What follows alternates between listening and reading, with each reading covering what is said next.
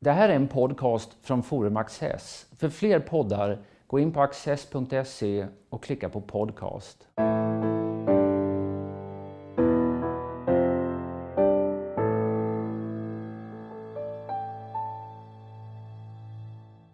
Välkomna till Studio Access som faktiskt är det hundrade programmet i raden sedan vi startade våren 2014.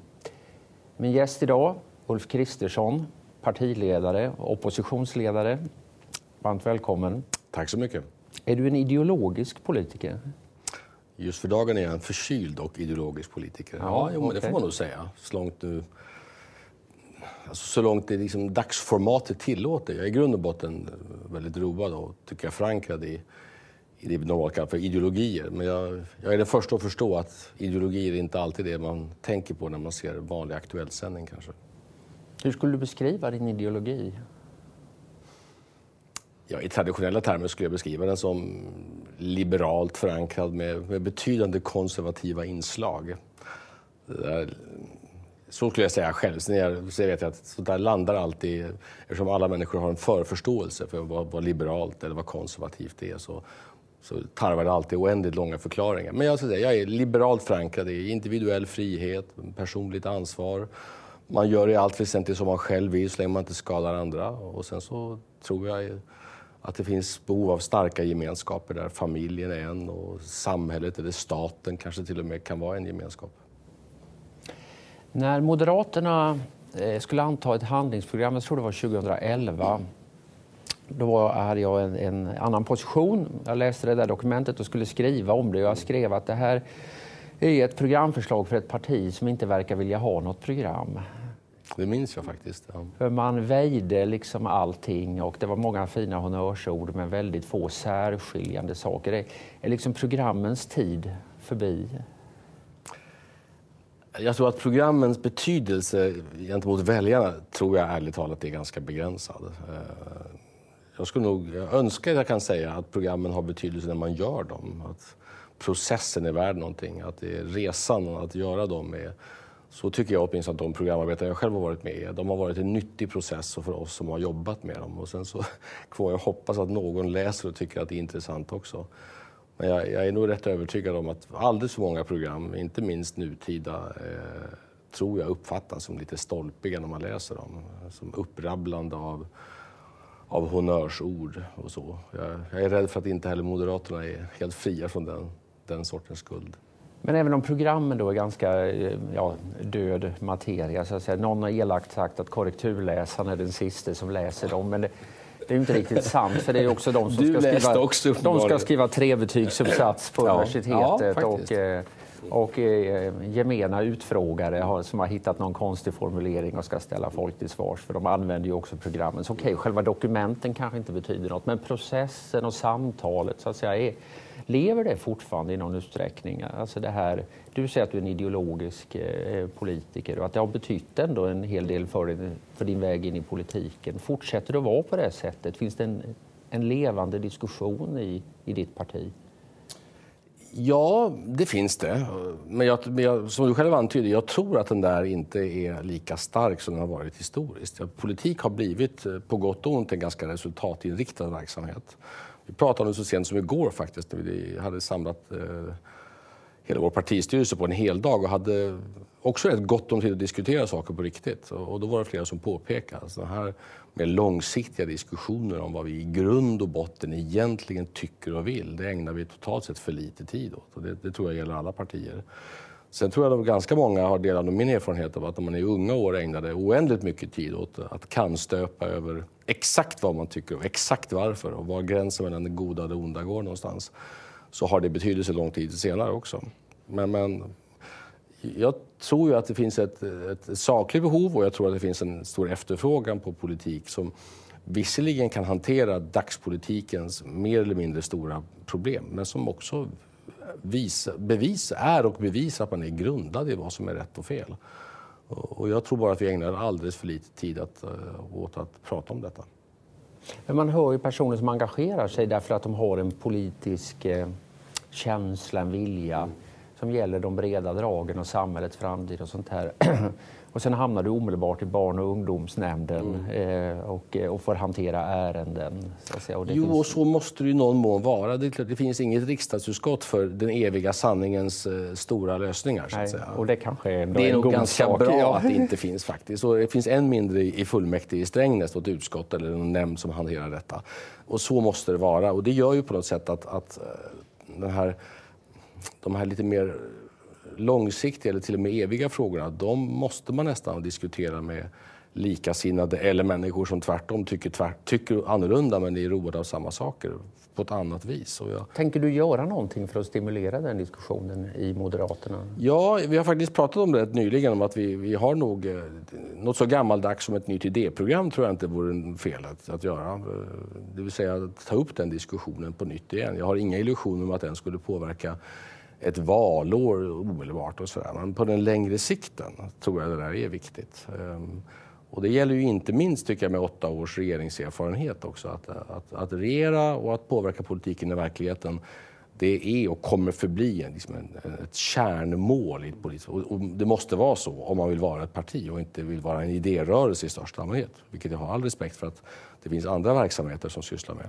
Men då måste man också se till att man, ja, att man har den långa sikten lite klar för sig också och inte bara den här omedelbara sikten som avgörs i regeringsbeslut och riksdagsbeslut. Det har blivit mycket praktisk politik på sistone mm. naturligtvis, men då och då kanske du ändå fyller på förrådet, laddar batterierna lite grann när det gäller idéer och eh, de vidare vyerna också. Var, var hämtar du inspiration någonstans?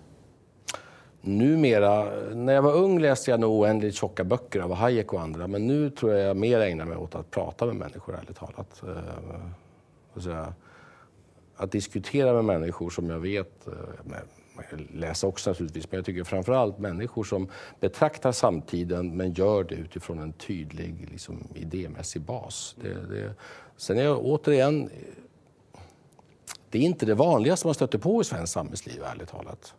Det tycker jag inte. Och, eh, men det är klart att det, jag tycker ändå att det då och då, både i vanlig dagsmedia och i tidskrifter och så, skrivs och tänks en del. Kanske sällan idéer man aldrig har varit i närheten av tidigare. Det ska man inte säga. Jag tycker att om man tar våra, alltså den samtida kritiken mot den här extremt långt gången identitetspolitik, tycker jag, det tycker jag ändå är en sån här det är en nyttig påminnelse om att det faktiskt finns eh, att det finns värderingar som eh, för, andra, alltså för människor som inte vill klä in allting i våra allra självklaraste liksom ytliga eh, gemensamma nämnare. Du, de här personerna som du talar med, kan du ge några exempel? Ärligt talat, de senaste månaderna har det blivit otroligt mycket verklig dagspolitik. Att verkligen hantera väldigt omedelbara saker. Men jag tycker, jag menar, både du och jag har ju en bakgrund i, i, i Timbrokretsar. Där tycker jag det samlas människor som i ganska bred bemärkelse har värderingar som jag, som jag känner mig hemma, hemma med. Eh, och jag har till och med rätt nyligen också rekryterat människor till Moderaterna som, som har en sån idémässig både bakgrund och har deltagit i den diskussionen mycket lång tid. Så jag, jag tänker kanske inte nämna enskilda individer här just nu, men, jag, men det, det, finns ändå, tycker jag, rätt många människor i svenskt samhällsliv som har, som har de här långa linjerna. Jag har under mitt omfattande researcharbete inför det här eh, programmet eh, pratat, förstått att du, eh, när du fortfarande var ekonomisk-politisk talesman för Moderaterna, intresserade dig mycket för Tyskland. Mm. Och har då pratat med folk som har pratat ja. med dig, ja. som var mycket erkännsamma. Han verkade verkligen intresserad. ja. Ja. Lärde du dig någonting? som du har användning av för svensk del? Det här med Tyskland var lite speciellt och det var egentligen en, en, en insikt som är lite trivial. Att jag upptäckte att, att, i näringslivet pratar man ganska mycket Tyskland för att Tyskland är en stor marknad och, och en stor konkurrentland. I svensk politik pratar vi aldrig om Tyskland i stort sett. Och sen tyckte jag det var så uppenbart att med det förfall som vi ser i amerikansk politik, som ofta har varit en inspirationskälla för, för svensk politik, och, och, den lite tråkiga utveckling som också sker i, i, i Storbritannien just nu, eller åtminstone det fjärmande som sker från, från britternas sida, så tyckte jag det var uppenbart att ska man förstå europeisk politik just nu så måste man visa intresse för Tyskland. Och jag som inte är tysktalande, i alla fall inte en tyska som jag skulle vilja använda i det här programmet, än mindre i Tyskland, tyckte att det här måste jag göra någonting åt. Så jag, jag, har varit en del i Berlin de senaste två åren och jag har träffat ganska mycket tyska politiker och pratat också med svenskar som intresserar sig mycket för tysk politik. Vad är lärdomen av detta? Ja, inte mer än att, att förstå, tycker jag, att, att, att tysk politik kommer vara viktig för Europa och att det finns många likheter. Men också att jag tycker att tysk politik är seriös ofta på ett sätt som svensk politik inte är. Hämtar mer inspiration från internationella frågor än vad svensk politik gör. Det lilla jag hann följa den tyska valrörelsen tycker jag absolut var ett exempel på detta. Angela Merkel har råkat i svårigheter nu med sin regeringsbildning. sånt här. Ehm, har ni kontakt? Ja, jag hade mitt premiärmöte med henne för några veckor sedan på EUs eh, toppmöte. Det var, det var kul. Hon tittade uppfordrande på mig och påpekade före fotograferingen att ta bort badgen som hänger om din hals innan vi fotograferas. Jag känner mig som en skolpojke. Ett proffs. ett proffs, ja. ja men det som händer i Tyskland är väl också nu ett, ett, ett brutalt uppvaknande med komplicerade parlamentariska förhållanden. De som ju tycker i grund och botten att minoritetsregerande är uteslutet, som också upptäcker att alltså, väljarna ger inte längre valresultat ens i Tyskland som är, är så lätt att hantera. Och det får ju de nu uppleva den ganska hårda vägen. Ja, vi får se. Det, är, ja, det pratas ju om nyval nu, och, eh, men både CDU och SPD ligger ännu lägre i mätningarna ja. än vad de fick i sina dåliga respektive Precis. val. Så, så mycket väldigt... talar ju emot ett nyval av den anledningen och samtidigt talar väl antagligen mycket eh, det finns en till lärd, intressant lärdom av Tyskland tycker jag just nu. Och det är ju en, stor efterfrågan i Sverige på att ni måste ha stabila eller till och med majoritetsregeringar som kan bli handlingskraftiga. Jag, jag har stor respekt för att olika länder har olika traditioner i detta men det är ju inte uppenbart att breda koalitioner som har stabil majoritet i, i ett parlament också blir handlingskraftiga koalitioner som, som förmår att göra saker. Om vi ska ta upp just den tråden. Så för några veckor sedan vid ett seminarium som faktiskt ägde rum i den lokal där vi, där vi sitter nu så eh, talade HG Westberg som ju var eh, Fredrik Reinfeldts statssekreterare i tre år, 2007-2010 under rubriken Den stora oredan om vad man kunde vänta sig i parlamentet framöver. Och hans budskap var väl i princip att vi, vi, vi, har en period med stor sannolikhet framför oss som kommer att kännetecknas av minoritetsregerande. Och ska det fungera, var hans eh, budskap, då måste statsministrar vara beredda inte bara att låta sig tillsättas utan också att faktiskt avgå om inte eh, den konstellationen fungerar längre eh, och man inte kan agera överhuvudtaget. Och två, man får inte heller vara rädd för att utlysa nyval. Vad tänker du om det? Att det nog är precis på det sättet. Eh, det skulle jag tro. Eh, man måste låta sig prövas. Det vill säga vi, man ställer sig så till förfogande, vi vill göra detta. Eh, finns det en majoritet som vill något annat så har man respekt för det. Det därför jag brukar påpeka att om Socialdemokraterna och Sverigedemokraterna vill bilda en majoritet och stoppa en alliansregering så be my guest. Men säg det då i klartext att det är det vi tänker göra. Om det inte händer så är min utgångspunkt att vi ska pröva våra vingar. Vi ska göra allt vi kan för att genomföra allianspolitik. Men det måste också innebära att man är fullt medveten om att man längs vägen kan stoppas. Och att man både måste vilja stå för sin egen politik men också vilja ta konsekvenserna om man inte har förutsättningar att driva sin politik. Det här tror jag är rätt och riktigt. Samtidigt kommer det riskera att skapa en känsla bland väljarna att vi har inte alls så stabila regeringar längre som vi hade förr i tiden. Eh, men, men återigen, alltså, stabila regeringar har ju bara ett egenvärde och de kan göra någonting också. Mm. Alltså det finns ju en risk att vi stirrar oss helt blinda vid stabilitet som inte tar itu med svåra problem. Vi har sett blocköverskridande lokala regeringar i kommuner och landsting. En del har varit mycket framgångsrika, en del har också blivit sådana som lägger alla svåra saker åt sidan. Mm. Och säger att låter vi låter bli att ta i de frågor där vi tycker är olika och sen så ser vi till att den dagliga verksamheten funkar. Det kommer inte räcka.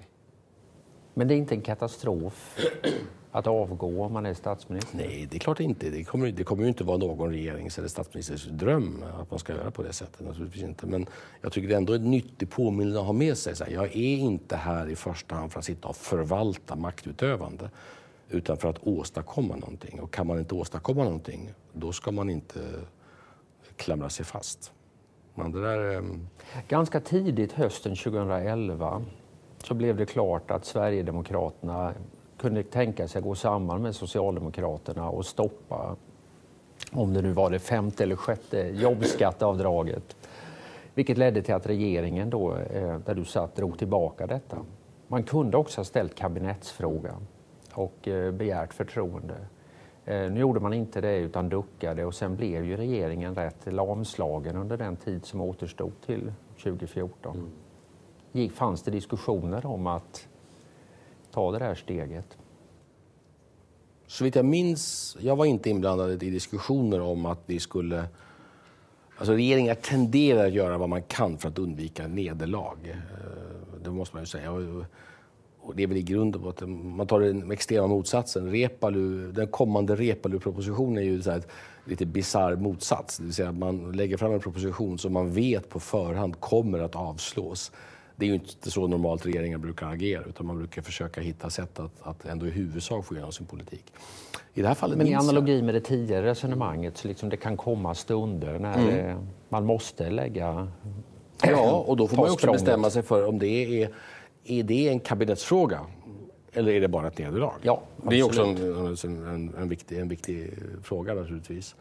Men att ställa kabinettsfråga är ju så att säga motsvarigheten till att verkligen syna sin eh, parlamentariska motståndare. Ja, absolut. Och, och, och det här kommer ju antagligen förbli komplicerat när vi har, vi har minoriteter som kan kunna regera ett tag, men vi har också i återkommande enskilda frågor majoriteter som bildas mot denna minoritet och till och med kanske oheliga eh, budgetminoriteter eller budgetmajoriteter som utmanar. Och då, då blir det ju i längden väldigt, väldigt komplicerat naturligtvis. Det, det går inte att komma ifrån. Så att, eh, nej, men jag, insett, jag, jag, tror att det kommer att vara så här och mot det ska vi ställa att det var inte bra i Sverige när vi hade en tid där när ett stort parti kunde spekuleras. Får vi 45 eller får vi 51 procent? Så den tiden med, med, liksom med politiska monopol, den är förbi. Och det kommer kräva en förmåga både att minoritetsregera, det kommer kräva pragmatism och det kommer kräva navigationsförmåga. Men jag är rätt säker på att det här kommer bli en stökig tid om man med det menar att man kommer inte kunna förutse vad som händer i politiken som förr. Du höll ditt installationstal den 1 oktober som nyvald eh, partiledare. I detta tal nämnde du Moderaterna nio gånger och Nya Moderaterna noll gånger. Betyder det någonting? För mig är nja, ja, både och. Alltså det betyder att jag, jag talar inte i logotyptermer. Liksom. Nej, Moderaterna, Nya Moderaterna är en logotyp för dig? Nya Moderaterna är i allt väsentligt en logotyp. Sen om man verkligen vill processa Moderaternas inre liv, då tycker jag också att Nya Moderaterna är ett, ett förhållningssätt som åtminstone när det lanserades och blev en etikett som också försökte säga att vi är lite mindre proklamatoriska, lite mer nyfikna. Vi tar vår utgångspunkt i ska vi säga, vardagens politiska problem och försöker, och försöker pragmatiskt lösa de problemen. Det tycker jag var det förhållningssättet som, eh, som jag också i grund och botten eh, gillar. Men Nya Moderaterna är liksom inte en... Det, det, ibland har det fått lite så här väckelserörelsemässiga begrepp. Så att säga. Nya Moderaternas ideologi är arbetslinjen. Det där har jag alltid känt mig lite, lite främmande för. Så att... Förändras eller dö? Ja, det tror jag i grund och botten tror jag det gäller, det gäller alla. Alltså, är man inte beredd att förändras och pröva om man har haft rätt förut, då kommer man dö förr eller senare. Så det har, det har jag inga problem med. Men, men Nya Moderaterna som någon det får så här, liksom egna, ett eget liv på något sätt. Och jag, jag har inte medverkat till det och jag kommer inte göra det heller. Men en, en del människor får jag en känsla av, de pratar om Nya Moderaterna som ett helt annat väsen än det som Moderaterna har stått för historiskt. Det tycker jag är helt fel. Moderaterna vilar mycket stabilt i, i, i värderingar som har, varit, som har funnits under mycket, mycket lång tid, som har tagits lite olika uttryck vid olika tidpunkter. Ingen skulle idag tycka att den stora striden för liberalismen handlar om fri radio och tv. Så att säga. Och man kan gärna ironisera en smula om eh, att det blev så en gång i tiden. Men det fanns också mycket handfasta skäl för detta. Alltså, så att jag, inget är lättare än att göra sig lustig över i efterhand, men man måste också vara beredd att, att pröva sina idéer i en ny kontext hela tiden. Och, och det tyckte jag nog att Nya Moderaterna var ett försök att göra. Jag känner inget behov av att kalla det för det just nu. Med den politikomläggning som har skett inom Moderaterna de senaste åren och med ditt tal och dina betoningar där och så vidare. Är det nya, nya Moderaterna vi ser nu? Ja, jag, jag, om jag, jag underkänner verkligen inte frågan, men det blir lite, lite, lite kannstöpande över det hela. Ehm, alltså, det betyder kanske inte riktigt vad jag bokstavligen säger, utan det betyder var nya Moderaterna en parentes och att nu är ni Moderaterna igen?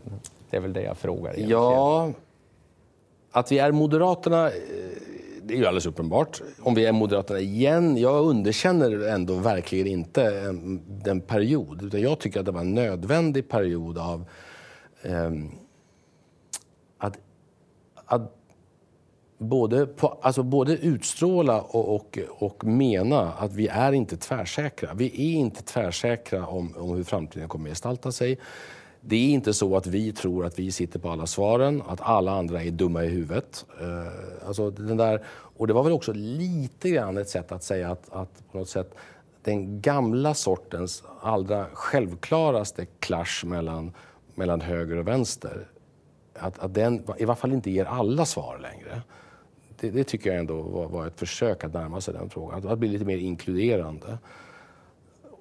Sen kan man diskutera eh, det som alltid kallas för triangulering. Och så liksom, det är en väldig skillnad mellan att säga att det kan finnas någonting hos motståndarna som någon gång har varit rätt, det är ju en sak, än att systematiskt börja så att säga, anpassa sig efter de delar av motståndarnas politik som förefaller ha bredast stöd. Ehm, jag tycker det är en ganska stor skillnad däremellan. Det ena är en intellektuell process. När jag eh, som ung tvingades inse eh, lite motvilligt, men ändå här, att det finns betydande begåvning och, och, och liksom förnuft i, i ett socialförsäkringssystem som i ganska hög grad försäkrar ens inkomst. Sånt som ju man normalt skulle förknippa med en socialdemokratisk eller en kontinentaleuropeisk eh, tradition och inte alls med en lite oppositionell liberal eh, då tyckte jag det var en intellektuell process som för mig var viktig, så att säga, och som inte alls handlade om triangulering. Om man däremot bara accepterar motståndarens populäraste förslag istället för att ta spjärn mot dem, då är man inne på något annat. Jag tror att vår tid handlar inte nu om att, att, att närma sig varandra, utan nu handlar det om att, att försöka visa att vi, vi har en genomtänkt syn på samhället, vi har en långsiktig färdväg för Sverige.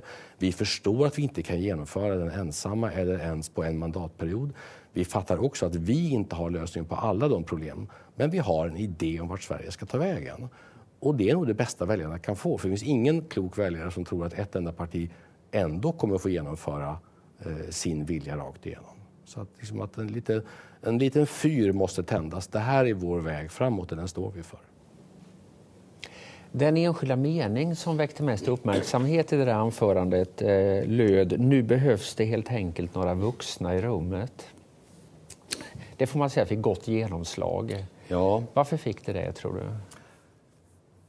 Sannolikt av det enkla skälet att det är så många som upplever en så utbredd trötthet på hur det politiska klimatet i Sverige har blivit. Alltså samtalsklimatet som inte funkar längre. Där, där, eh, där till synes fullvuxna politiker vägrar förstå vad man menar, pratar bredvid varandra eller över varandra eller bara förbi varandra. Eh, och jag tycker att det har varit så uppenbart i många debatter.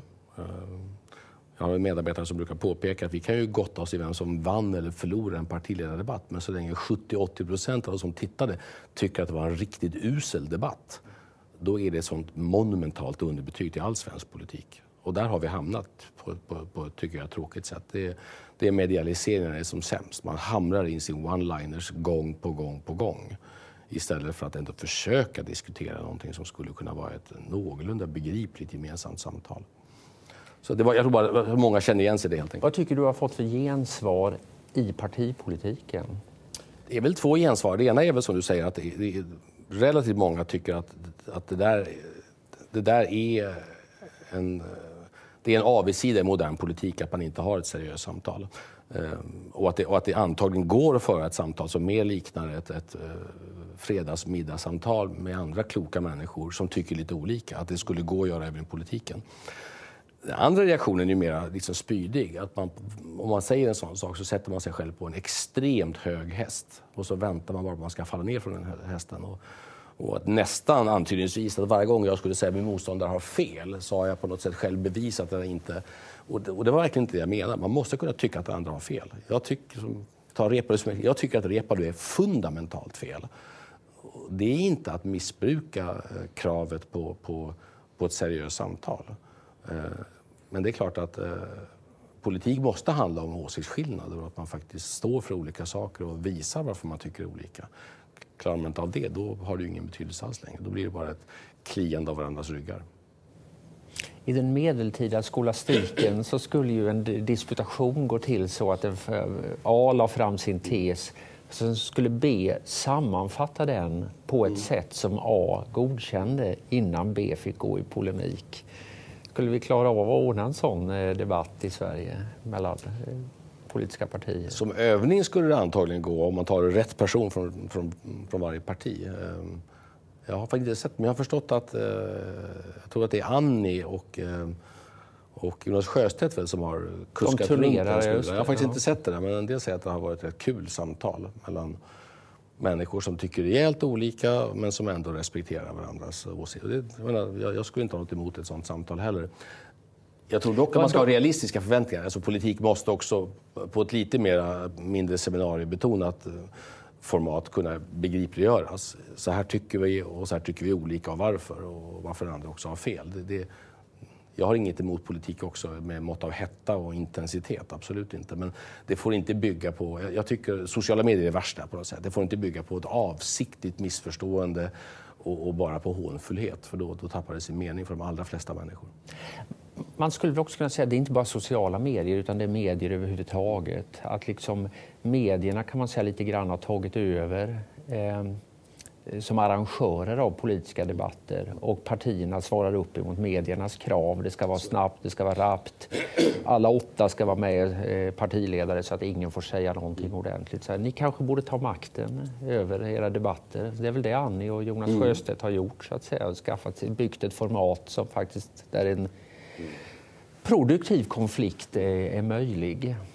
Det är kanske är dags jo. att låta medierna spela på er på era ja, villkor. absolut. Och det har, just de har väl gjort det i någon mån i alla fall. Sen tror jag ändå man kommer inte komma ifrån att, att efter en tid när de allra flesta människor hade, eller väldigt många hade någon direkt relation till till, till partierna och folkrörelserna och man kunde hämta sin information därifrån så, så kommer medier i olika form, former.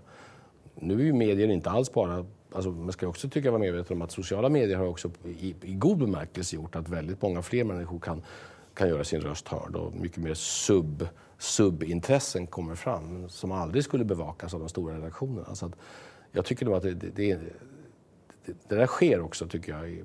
Men, men det är klart att de allra flesta människor har ganska begränsat med tid. Informationsflödena är groteskt stora. Det märker man ju själv när man då och då vill logga in i någonting som man själv inte har varit riktigt så här, ägnat all möda åt. Jag, jag håller just nu på att försöka jaga in en, en, en god väns jakthund. Uh, och det, det, har jag inte gjort förut. Jag är inte expert på detta och skulle då liksom bara sätta mig, sätta mig in i, i så att säga, underlagskunskapen. Hur hanterar man en ettårig hund av den här specifika rasen. Så här, upptäcka att det finns ju oändliga mängder eh, information där ute som man kan ta till sig och så måste man snabbt avgränsa sig för att komma in i det överhuvudtaget. Då fick jag lite respekt för människor som då och då visar intresse för politiken. Hur ska man bara närma sig detta oändliga flöde av information? Då krävs det avgränsning och då krävs det människor som på ett begripligt sätt kan göra det tillgängligt också. Det tycker jag, där tycker vi har en, en underskattad pedagogisk uppgift i politiken också visserligen stå för olika åsikter men också att faktiskt att göra vår egen, eh, vår egen ståndpunkt begriplig för människor som inte har all tid i världen att ägna sig åt detta. Det känns som ett bra avslutningsord. Ulf Kristersson, stort tack för att du har varit med. Tack.